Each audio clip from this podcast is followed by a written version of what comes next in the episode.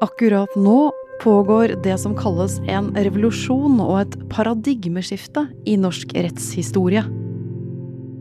Rusreformen ble stemt ned i Stortinget. Men i domstolene blir tunge rusavhengige behandlet på en ny måte. Flere som før ville ha fått fengsel, slipper nå å sone. Gjennomfører domstolene rusreformen på egen hånd? Du hører på Forklart fra Aftenposten. Jeg heter Marte Spurkland. I dag er det torsdag 21. oktober.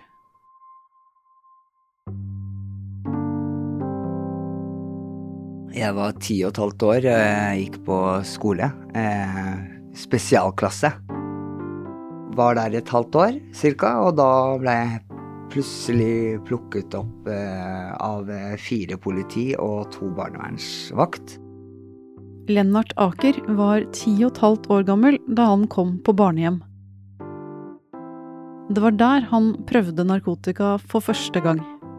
Kom jeg på et rom til en annen som bodde der, og så fikk jeg tilbud om hasj. Eh, og prøvde to trekk, to, tre, fire trekk, men det funka ikke. Eh, så da fikk jeg Rohypnol. Eh, og da fikk jeg en halv en, og da, ja, da var det gjort, liksom. I dag er Lennart 34. De siste tolv årene har han brukt heroin ganske jevnlig. Da jeg var 20, så prøvde jeg heroin for første gang, og det var det som ja, tok meg, da. Sånn som jeg føler at eh, før jeg begynte med heroin, så følte jeg meg som en rusmisbruker. Ikke en narkoman, liksom. Da han merket hvor dårlig han ble uten heroin, og hvor mye bedre han følte seg når han tok det igjen, så endret den følelsen seg for Lennart. Og da begynte jeg faktisk å grine, og da skjønte jeg at jeg virkelig ble en narkoman, da. En ordentlig, liksom sånn for det er heroinen, da. Den, det er liksom litt annerledes enn alt annet. Og i februar 2020 så ble du tatt av politiet.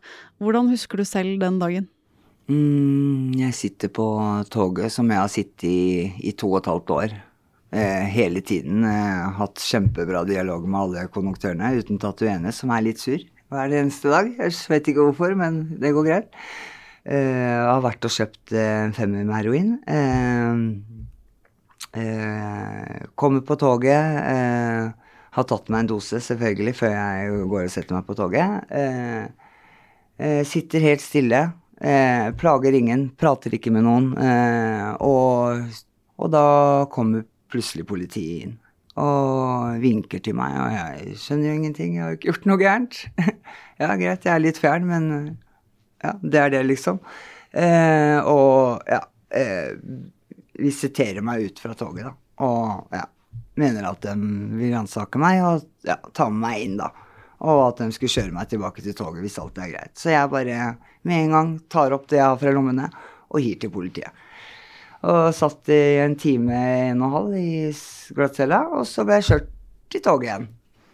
Så ja. Men da betalte politiet togbilletten, faktisk. Opp igjen til Gjøvik. Så Men ja, ja. Men etterspillet ble verre for Lennart. Han ble dømt for oppbevaring av fire gram heroin og bruk av blant annet kokain. En annen som har snakket mye med ham i det siste, er Marie Lytomt Norum i Filter nyheter.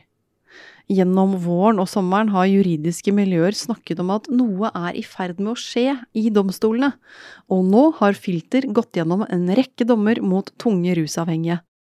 Blant annet den mot Lennart. I Gjøvik tingrett så ble han først dømt til 54 dagers ubetinget fengsel. Den dommen anket han, men lagmannsretten avviste anken. Men så ble saken tatt helt opp i Høyesterett. Og hvordan gikk det? Da saken hans kom opp i Høyesterett i sommer, så mente Høyesterett at lagmannsretten ikke hadde vurdert straffeutmålingen opp mot det de skriver er en rådende praksis og dagens rådende syn på straff mot rusavhengige.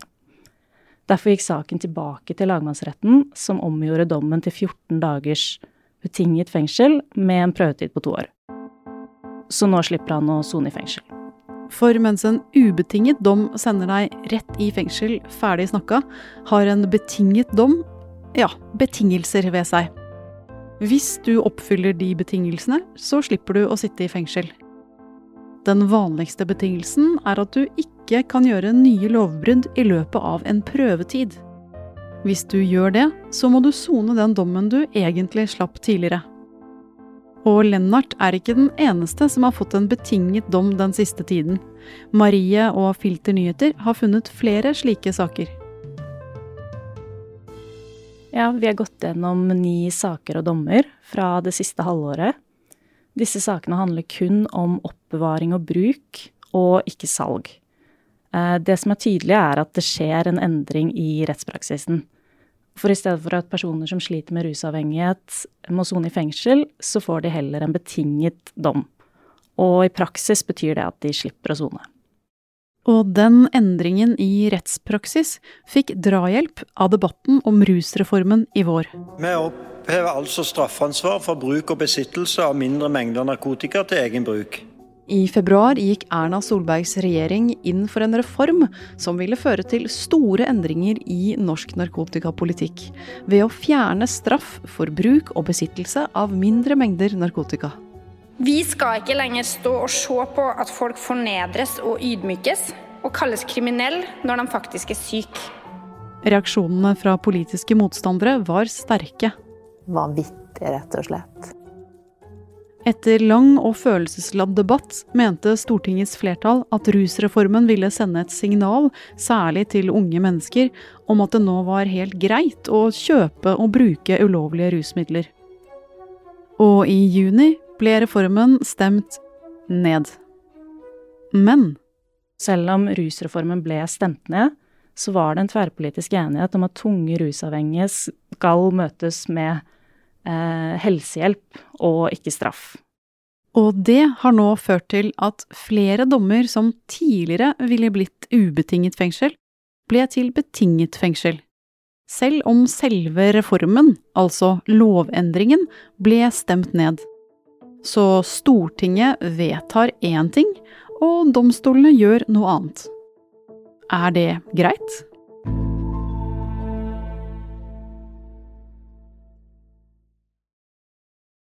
Marie, når Stortinget sier nei, sånn som de gjorde til rusreformen, kan egentlig domstolene gjøre noe da?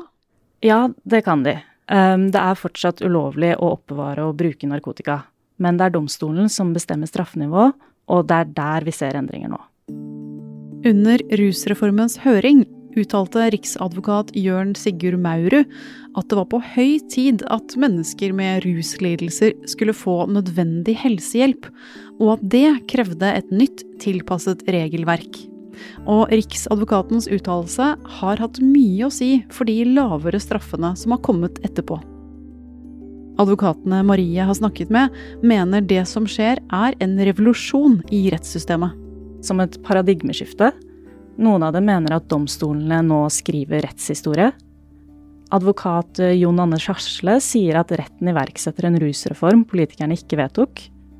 Eh, de advokatene jeg har pratet med, mener også at det er på høy tid at Norge kommer etter resten av Europa, fordi vi har vært blant landene som har hatt aller strengest straffer for narkotikaforbrytelser. Men dette er ikke første gang domstolene går litt lenger enn det politikerne hadde vedtatt, ifølge politisk redaktør her i Aftenposten, Kjetil Alstaheim. I 2005 var det noe helt annet som sto på agendaen. Høyesterett eh, behandlet en sak om eh, pornografi, eh, og der et nøkkelord her i pornoloven var hva som var støtende. Og der eh, retten kom til at eh, det hadde vært en utvikling i befolkningen, så uh, kjønnsorganer i bevegelse var ikke like støtende i 2005 som det hadde vært kanskje 20 år tidligere. Og det fikk en liberalisering egentlig av norsk pornorettspraksis uten at Stortinget hadde vedtatt noen endring. Og sånn ble pornosladden borte i Norge. Og nå er det altså straffer mot tunge rusavhengige som endres. Kjetil, betyr det at vi ikke lenger trenger noen ny rusreform? Det kommer an på hva man mener om uh, rusreformen i utgangspunktet. Uh, dette uh, forslaget som lå i rusreformen var en avkriminalisering, altså at du ikke skulle få noen straff for å ha brukerdoser. Her er det jo fortsatt en straff. Og, og så har du dette skillet mellom, som man har prøvd å lage i debatten, om, mellom de tunge rusbrukerne og de mer eksperimenterende ungdom på fest som prøver et eller annet rusmiddel for første gang. Der eh, noen har ønsket å gi en annen behandling til de, de rusavhengige. Eh, og Det vi ser på den rettspraksisen her, er at det dreier seg om folk som har, eh, har tung, tung, rusbruk over lang tid.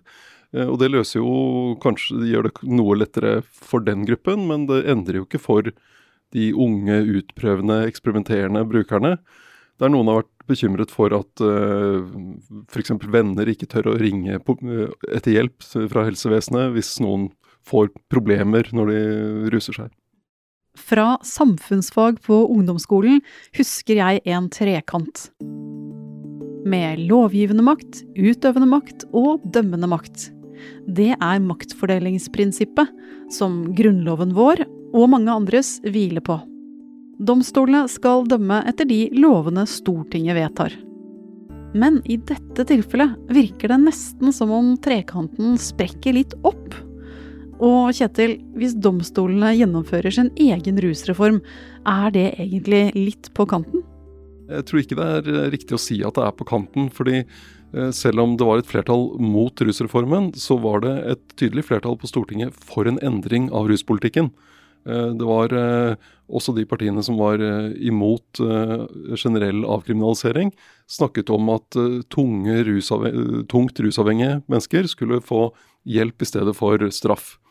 Og så tolker også det vi også har sett fra, fra domstolene og fra Høyesterett, er at de ser på synet på straffereaksjoner mot rusbrukere, særlig tunge rusbrukere, sånn generelt i samfunnet, hvordan det utvikler seg, og forholder seg til det.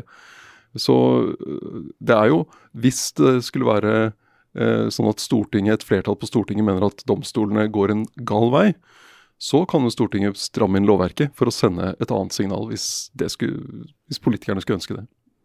Hvem er det som kan tenkes å være litt misfornøyde med det domstolene driver med nå, da? Eh, eh, det tror jeg vi må se litt hvor, hvordan denne utviklingen blir. Det, hvor går dette? Det er, litt, det er, jo spennende å følge, følge det videre. Eh, og så vil jo de som mener at straff er riktig, og at man skal fortsatt være strenge med narkotikalovbrudd, vil jo mene at dette ikke er riktig. Vi har hørt om advokater og dommere som mener at dette er en revolusjon i norsk rettssystem, det som skjer nå. Er du enig i det? Er det så stort? Det er en stor forskjell for rusbrukerne, at de tunge rusbrukere, at de får en betinget dom istedenfor en ubetinget dom, og da i utgangspunktet slipper å sone. Det vil jo ha mye å si for, for livet til uh, sårbare mennesker. Så, så, sånn sett kan man si at det er en revolusjon for, for deler av, av rusbrukerne. Er Norge i ferd med å få en mildere ruspolitikk nå, i hvert fall i praksis? Det, det, ser sånn ut for enkelte tunge brukergrupper som, som det er det er skjedd en endring i hvordan vi snakker om uh, rusbruk og rusavhengighet. Fra det at det er ulovlig, til at det er et helseproblem for den det gjelder, og at det er mennesker som bør få hjelp og ikke straff. Og dette er et skritt i den retningen. Likevel er ikke dommerne og advokatene Marie og Filter Nyheter har snakket med, helt fornøyde. Det er fortsatt ulovlig med bruk og oppbevaring av rusmidler. Og det betyr at domstolene fortsatt må gi en straff. Eh, derfor gir de betingede dommer, og det innebærer også to års prøvetid. Det betyr at hvis de som eh, er avhengig av rus, blir tatt for oppbevaring eller bruk igjen i løpet av denne prøvetiden, så må de da sone i fengsel. Lennart Aker sin advokat mener at dette viser at retten trenger nye lovbestemmelser, og han sier at et helt juridisk miljø venter på en politisk avklaring på dette. Også tingrettsdommer Kjetil Jøen påpeker at det nå er veldig uforutsigbart hva reaksjonen mot de tiltalte kommer til å bli, eh, og at en rusreform kunne gjort dette mye tydeligere og klarere. Helt fornøyd er ikke Lennart heller. For nylig ble det kjent at påtalemyndigheten anker saken hans tilbake til Høyesterett. Jeg ble helt paff. Først ble jeg litt nedtur. For det er selvfølgelig eh, en ny, ny dom, liksom. Jeg var jo veldig glad for den dommen jeg fikk. For den første gangen Høyesterett så på saken hans, ga de lagmannsretten, nivået under, beskjed om å vurdere sin straffeutmåling på nytt. Og det førte da til at lagmannsrettens dom gikk fra ubetinget fengsel til betinget fengsel. Nå vil påtalemyndigheten at Høyesterett skal ta en prinsipiell avgjørelse og behandle saken selv. Og hvis de gjør det, kan én av to ting skje. Enten dømmes han igjen til ubetinget fengsel og må sone, slik som lagmannsretten kom fram til første gang. Eller så blir Lennarts sak en av de som setter standard for et nytt og lavere straffenivå for tunge rusavhengige i Norge. Ja, det blir litt gøy òg. En liten sånn ekstra ny kamp. Eh, kan hjelpe andre, i, andre i, eh, videre når de har de samme, samme sakene som meg, da. Hvordan ser du på fremtida ellers, da? Hvordan kommer det til å gå, tror du? Mm, nå går det kjempebra. Herregud, jeg tror aldri vært så rusfri lenge, så lenge som jeg har vært på min egen, min egen initiativ, da. Jeg er i LAR, eh, går på metadon, eh, og nå holder jeg på å få eh, ja, full team rundt meg, da. For jeg har jo lyst til å begynne på skole nå. Liksom, ja. Vi, ja. Det føles veldig, veldig, veldig, veldig, veldig bra. Nesten litt for våken. det er litt slitsomt, det òg.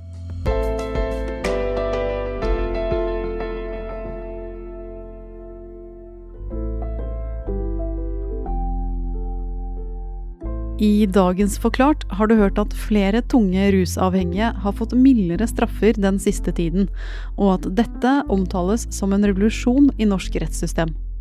Du har hørt lyd fra NRK og regjeringens nettsider. Denne episoden er laget av David Bekoni og meg, Marte Spurkland. Resten av Forklart er Anne Lindholm, Fride Næss Nonstad, Synne Søhol, Thea Wold Lyster og Guri Leiel Skedsmo.